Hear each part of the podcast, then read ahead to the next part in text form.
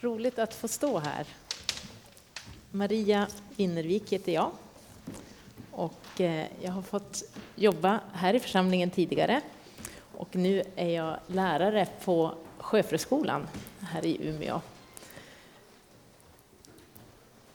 Försoning kommer det handla om idag. Försoning och förlåtelse, det är stort och svårt och vackert och fantastiskt. När jag har gått och burit på den här predikan under januari och februari så har jag fascinerats över vilken gåva vi har fått i försoningen. Det är verkligen en gåva, någonting som vi bara får ta emot. Och ändå så är det så svårt. Försoningen, det är Guds verk.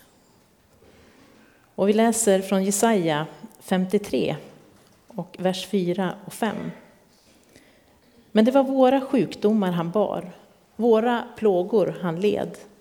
När vi trodde att han blev straffad, slagen av Gud, förnedrad. Han blev pinad för våra brott, sargad för våra synder. Han tuktades för att vi skulle helas.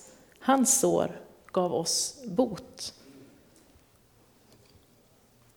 Och vi läser i Efesierbrevet också 2 och 8.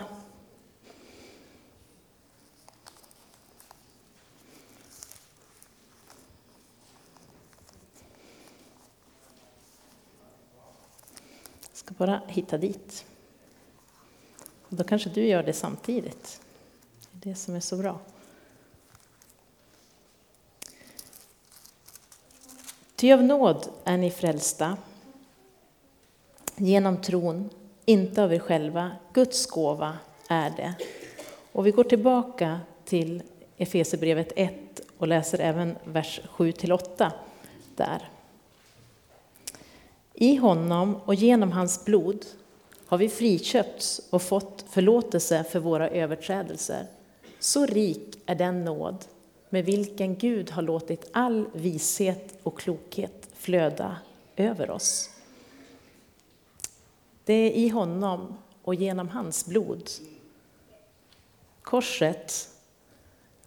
När jag ser korset här i kyrkan, när jag ser någon som bär ett kors eller när jag tar på korset runt min hals, så brukar jag tänka på den stora kärlek som det innebär.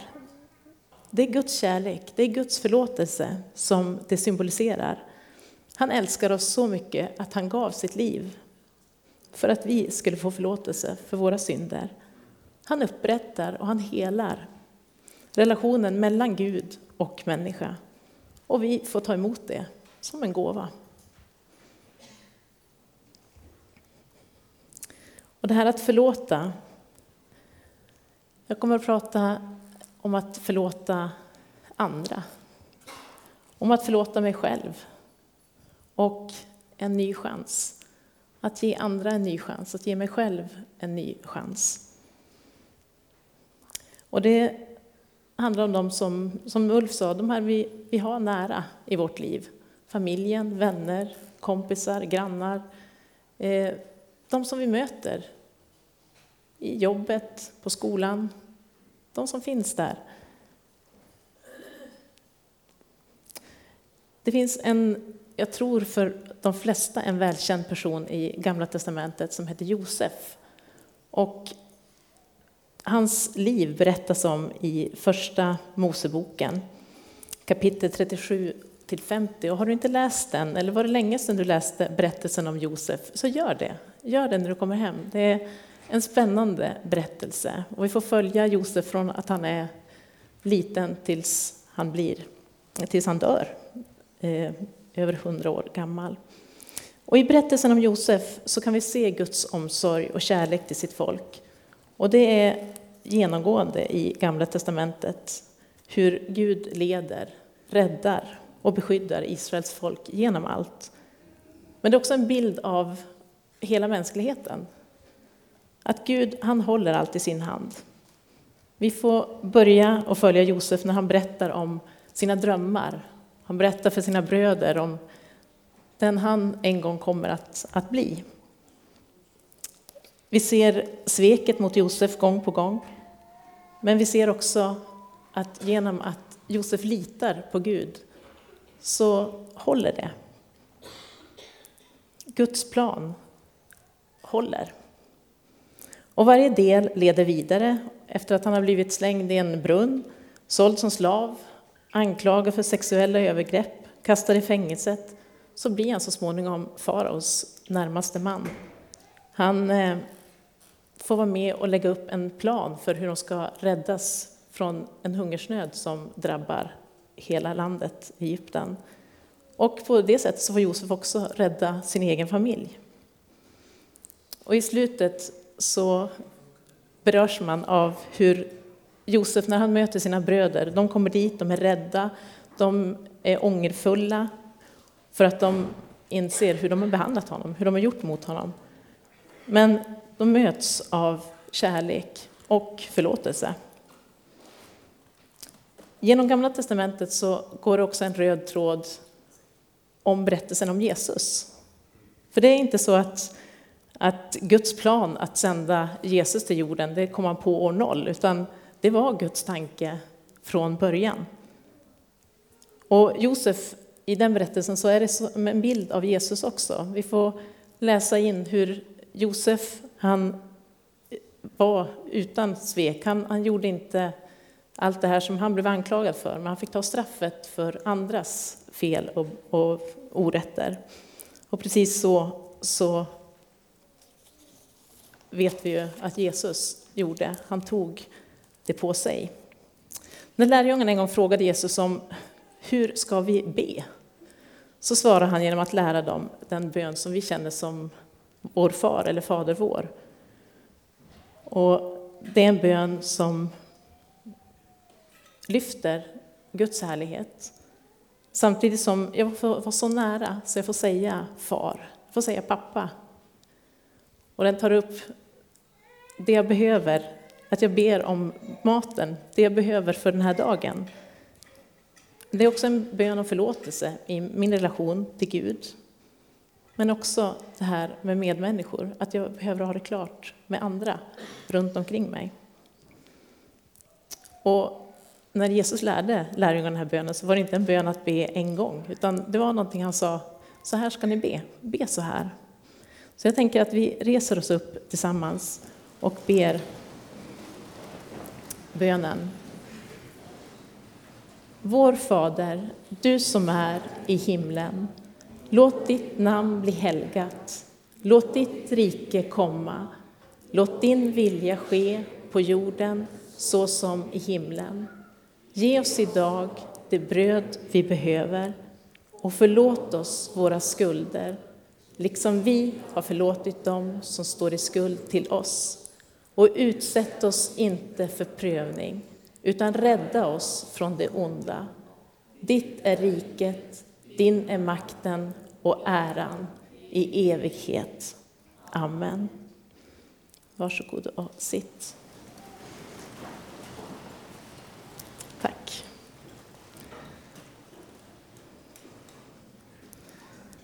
Vi får be upprepat om förlåtelse. Det är inte heller något vi gör en gång och så går vi vidare, utan vi vet hur det är. Vi gör om misstag igen, vi säger saker igen som sårar. Vi får be också om förlåtelse i vår relation med Gud, om och om igen. Herrens bön, den är inte en bön, eh, ja, precis, att, att, bara be en gång. Men Jesus säger så här, att om ni förlåter människor deras överträdelser ska er himmelske fader också förlåta er. Men om ni inte förlåter människorna ska inte heller er fader förlåta er era överträdelser. Vi har fått ett uppdrag att förlåta varandra. Vi kan inte bara stänga in oss i vår lilla bubbla och tycka att alla andra är dumma, alla andra har fel, utan vi behöver ha relationer med våra medmänniskor som fungerar. Och det här att förlåta andra. Hur många gånger, frågar Petrus, hur många gånger ska jag förlåta någon annan människa som gör dumt mot mig? Så drog han till mig, ska jag förlåta dem sju gånger? Och då säger Jesus inte sju, utan 77.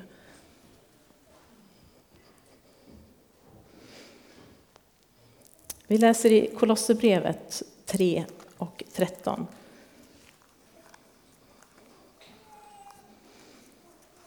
Och det känns nästan som en omöjlig uppgift att förlåta någon som gör fel mot oss om och om igen. Är det så vi ska göra? Ja, det är så det står.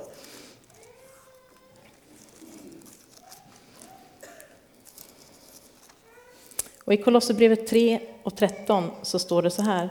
Ha fördrag med varandra och var överseende om ni har något att förebrå någon. Liksom Herren har förlåtit er ska också ni förlåta.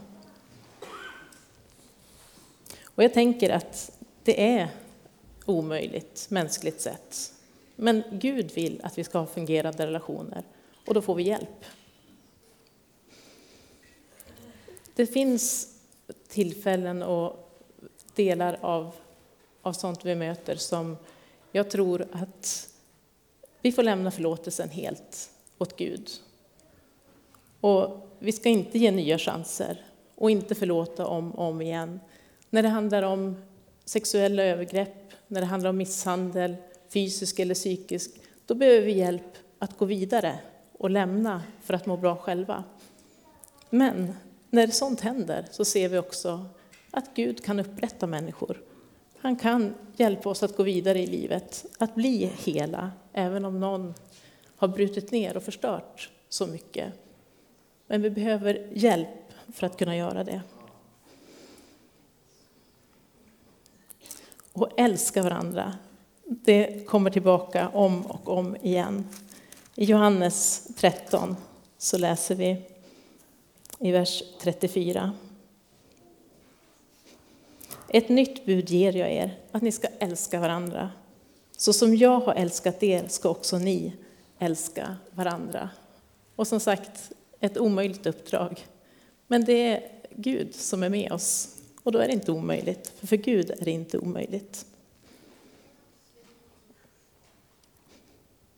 Det här att förlåta sig själv då? Det kanske kan vara det svåraste ibland. Det tar på vår stolthet att erkänna att jag gjorde fel. Vi vill helst inte att någon ska veta, att någon ska se, att någon ska märka. Kanske skulle vi bara vilja släta över, sopa det under mattan eller ja, låtsas som ingenting.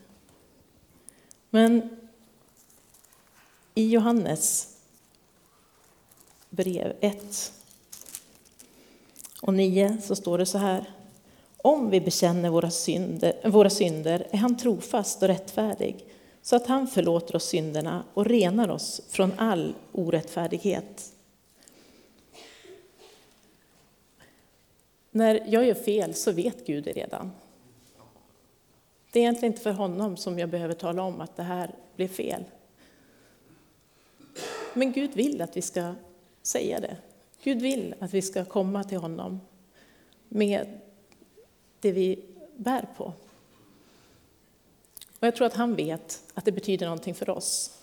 Att få säga, att få lägga fram, så här är det, så här illa ser det ut. Och han vill inte bara lyssna till det vi kommer med, med våra synder.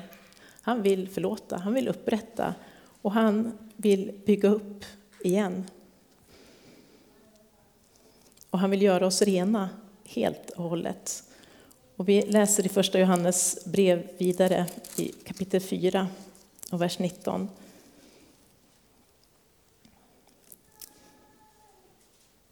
Där står det så här. Vi älskar därför att han först älskade oss. Och vi är villkorslöst älskade. Vila i den tanken lite grann. Villkorslöst älskad. Det är ingenting du kan göra. Ingenting du kan göra för att den kärleken ska försvinna. Och det är ingenting du kan göra för att få den, utan vi är älskade av Gud, av Jesus. Det finns en författare som heter Max Lucado som har skrivit så här. Förlåtelse är att låsa upp dörren för att släppa någon fri och inse att fången var du. Att det är viktigt att vi förlåter oss själva. Det som inte syns, det finns ju inte. Eller hur är det? Vi kan lura oss och tro det. Att istället för att erkänna att så här ser det ut så försöker vi vara lite präktigare, försöker visa att det går bra, allt är bra. Vi kompenserar på olika sätt. Och I vinter så har vi fått jättemycket snö. Men vi vet att när snön försvinner så ligger det kvar. Allt det där i trädgården som vi glömde eller som vi har grävt ner, grävt över. Det finns där. Och i kärlekens ljus så kommer det fram. Gud han, han skottar inte över, utan han helar och han upprättar.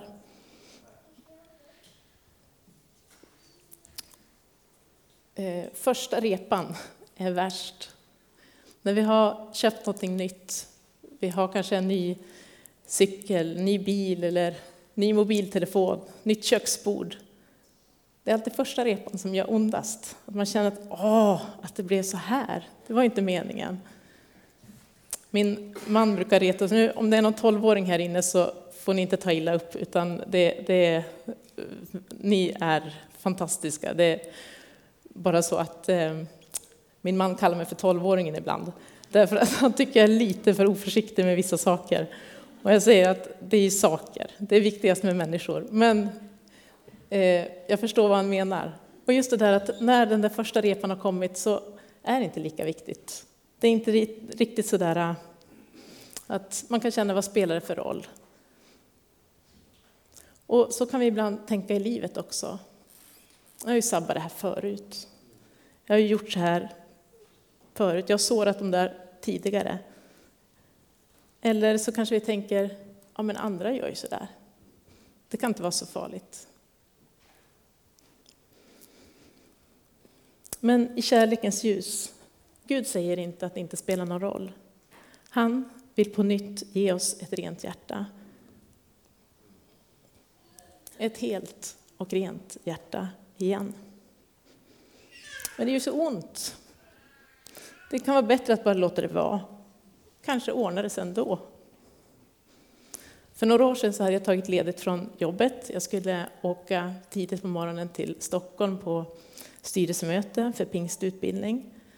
Och eh, jag vet, det hade väl kanske lite extra bråttom där på kvällen för jag sprang i hallen och i hallen så har vi ett gammalt trägolv som inte är helt, helt överallt. Och jag fick tag i en flisa som jag fick in i foten och det gjorde jätteont, jätte, jätteont. Och jag försökte dra ut den, och så fick jag ut en liten sticka sådär, men det kändes som att det är någonting mera. Jag gick och la mig och så steg jag upp. Jag skulle med flyget klockan sju. Och så kände jag att ah, det gick inte att gå på foten. Men jag tänkte att ja, men om jag bara tar mig till duschen och så klär jag på mig och liksom då, då går det nog bra ändå. Det, bara man, ja, ni vet, kommer igång. Och det gjorde så ont så när jag kom till badrummet, jag, jag kunde inte gå på det, jag kände som jag skulle svimma och jag höll nästan på att spy.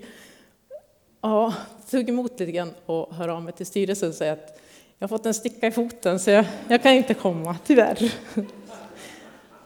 Men eh, hälsocentralen besökte jag. De sa att jo, men stickor brukar komma ut. Om du, du kan bada i, i salt, koksaltlösning och så där, då, då brukar de komma ut. Så att det, det är lugnt. Min mamma hon är distriktssköterska, eller har, har varit det, hela, eller inte hela sitt liv, men en stor del av sitt liv. Och hon sa det, det här ser inte bra ut Maria, får jag ringa? Ja, jag är 40 år, men ja, så jag, det, det, får du väl göra. Och så ringde hon och sa att det här, det här ser inte bra ut, hon måste få komma in. Ja, så fick jag komma till, till eh, akuten och fick de titta på det och så eh, sa de att ja, skulle du vilja röntga foten? För det är ju, det är ju någonting fortfarande. Men ja, säger men det skulle jag vilja, så att, så att de visste vart, vart stickan var. Så där. Fast det är inte troligt att den syns på, på röntgen, för var det ett riktigt trägolv? Jo, men så det, det här det är ett riktigt trägolv. Ja, då kanske det syns.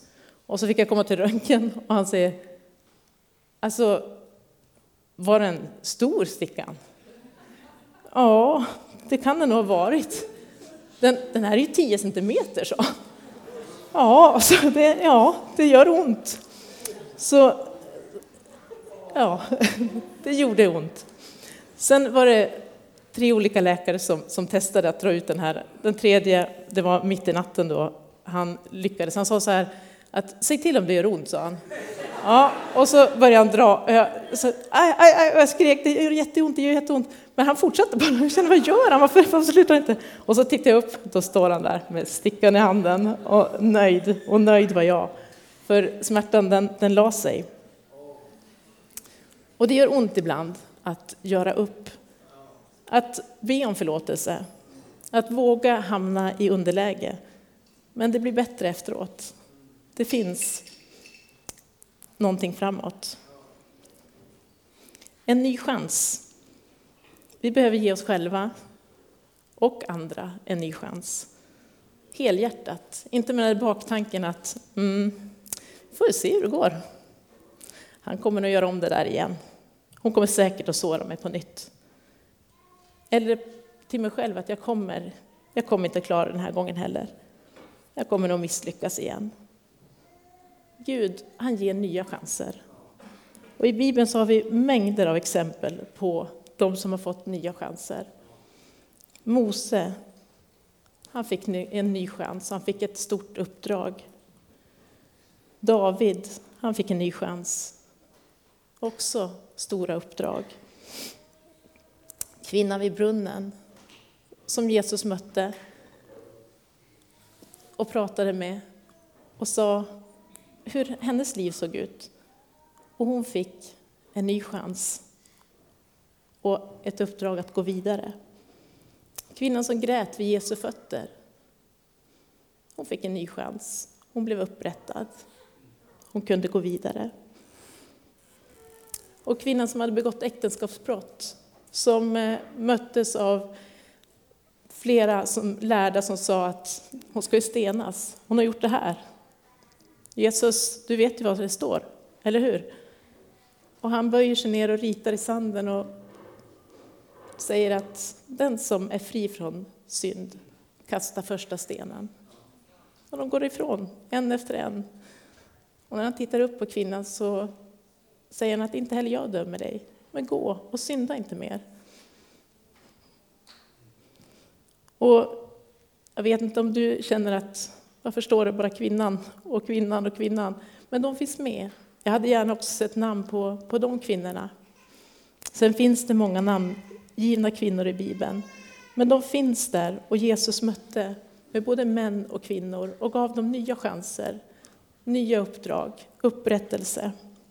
Petrus, han fick misslyckas rejält, men han fick också ett nytt uppdrag och ny chans. Paulus likadant.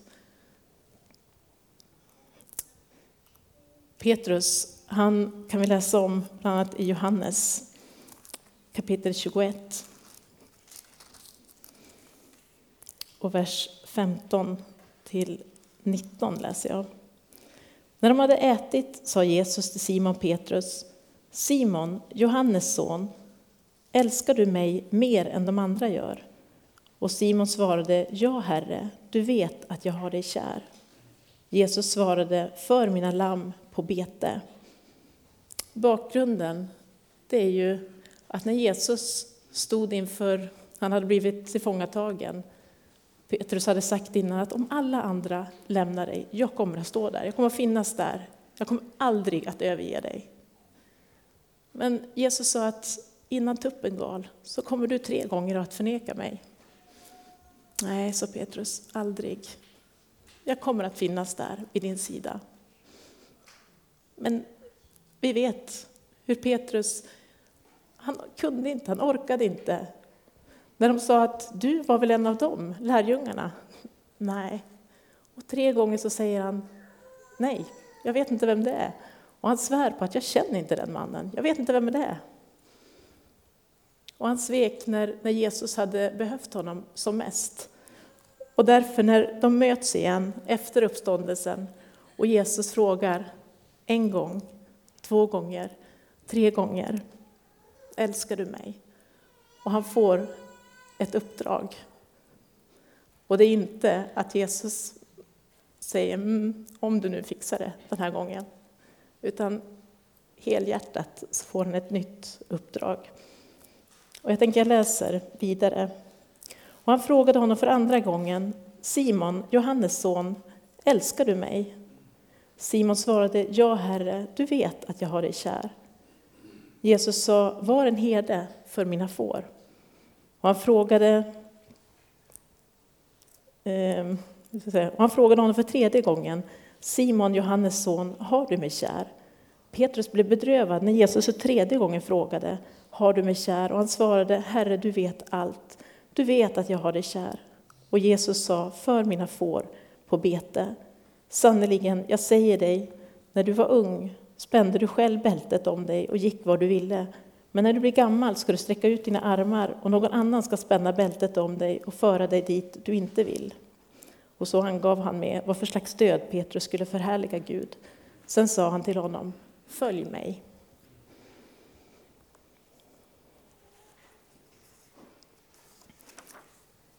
Och jag vill avsluta med att läsa från Första Johannes brev och 4 och 18.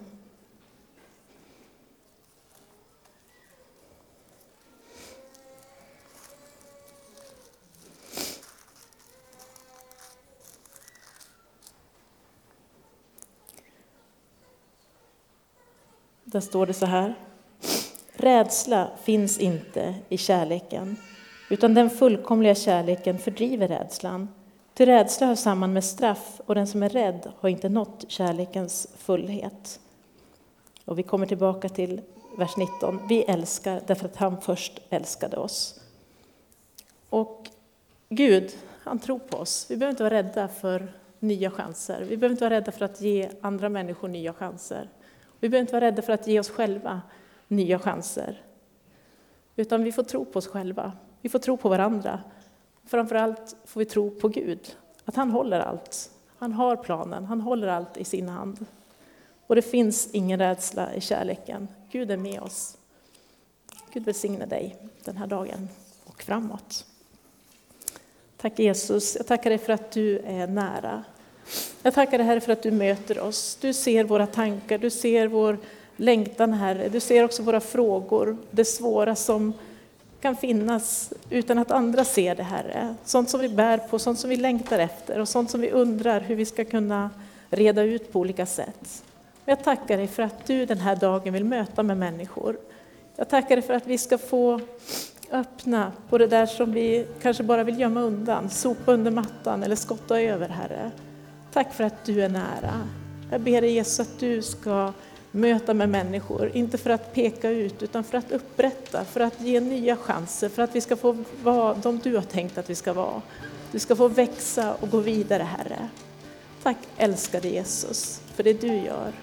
I Jesu namn. Amen.